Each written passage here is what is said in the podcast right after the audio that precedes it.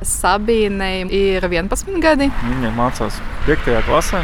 Dotajā brīdī viņai ir attālināta apmācība, sēž mājās. Sandim ir 7 gadi. Mācās 1. klasē, pagaidām vēl klātienē un pats jaunākais dārziņā apmeklē grupiņu. Ar Taķenu un Dēli Tukāniem tiekos Daugāpils centrā, Andrija Pumpura parkā. Tā ir vieta starp vienības namu, kur Latgales centrālajā bibliotekā par sistēmu bibliotekāri strādā Taņa, un Daugāpils vienības pamatskolu, kur stundas beidzas pirmklasniekam Sandim, un IT tehnologs tētis Dēlis, kā ierasts atbrauc uz dēlam pakaļ. Tukānu ģimene ir viena no daudziem, kas uz savas ādas izbaudīja visu to, ko vien Covid laiks nesa ģimenēm, kurās ir skolas vecuma bērni. Tad jau martā mums bija viena skolniece, un divi bērnu dārznieki.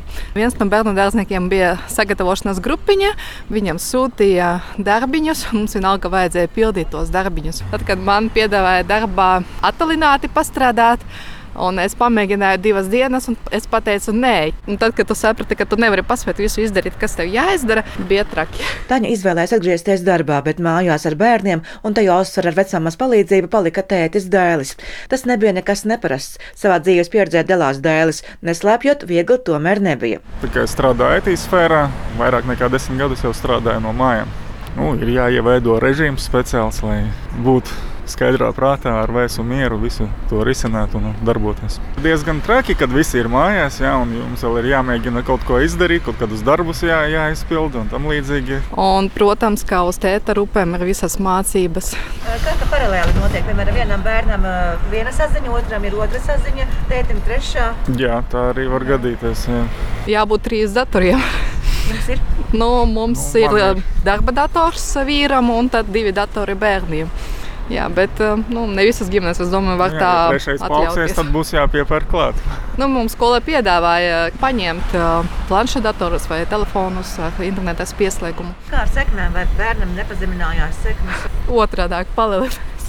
Nu, būsim atklāti, liela daļa izmanto palīgu resursus, Google, citi meklētāji. Vecākus. Un, un... Labi, ja bērns patstāvīgi jau visu prot, bet ir bērni dažādi un ar kuriem jāsēž katru reizi. Daudz kas atkarīgs no skolotājiem. Ir tādas, kuras pie mums sūta prezentācijas un pildiet un mācieties. Kā jūs visu to sapratāt?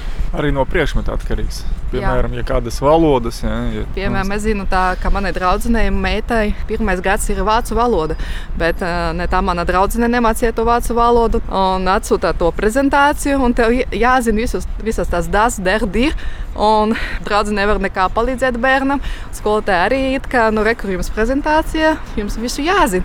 Covid laika koplējā ģimenē deva savu pieredzi un rūtījumu un formēja savu viedokli par notiekošā stāsta Dēlis un Tatjana Tukāni. Es teiktu, pirmā nedēļa bija varbūt pat savā ziņā visiem interesanta, ja, jo tas bija kaut kas jauns, tāds kā piedzīvojums. Bet, kad jau aizgāja otrā, trešā, visi saprata, ka nu, tas nav viegli vienu nedēļu viena noteikumi, nākošajā citi noteikumi, un visu laiku gaidu to piekdienu vai vēl kādu sapulci no ministra kabineta, un tu nezini, kas būs rīt. Intervijas laikā Tukāna ģimenes vidēji atvasē nodarbības skolā beigušās. Zēns pievienojas sarunai. Nu, kā tev sokas šajā te laikā? Nu, bišķiņ bez draugiem skumīgi bija. Tāpēc, ko mans treneris hokeja saslima, man vajadzēja sēdēt mājās. Mums jau dēls bija karantīna. Izrādās mazais pirmklasnieks pat kā viens no pirmajiem skolniekiem Dāngāplī ir pabijis karantīnā. Arī tas ģimenēm, protams, skolai ir bijis pārbaudījums. Jā, no hokeja skolas tur sanāca tā. Tāpēc viņš bija viens no pirmajiem, kurš jau bija kontaktpersona. Un gan skolotāji nezināja, kā to organizēt. Viņš bija pirmā klase, viņš paspēja pamācīties tikai divas nedēļas. Viņš bija šokā, kāpēc man atkal jāsēž mājās. Nu, ko vispār domājat, vai vajadzēja attālināt, vai tā vajadzēja tomēr saglabāt esošo un vispār strādāt skolas un nevērt neko citu? Mazajām klasēm noteikti būtu jāsaglabā manā izpratnē, jo mazi bērni ar viņiem ir jāsēž un jāstrādā.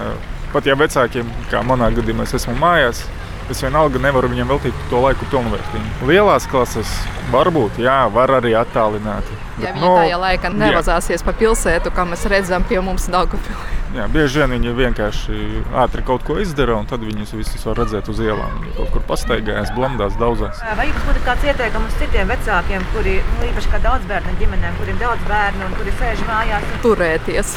Tas mums ir izaicinājums. Un, un turēt vēsu prātu šajos. Jā, laikos. un tāds pārbaudījums un galvenais nekrist panikā. Lai mācības attālināti varētu notikt sekmīgi, būtiska visu, gan skolotāju, gan ģimeņu iesaista šajā procesā.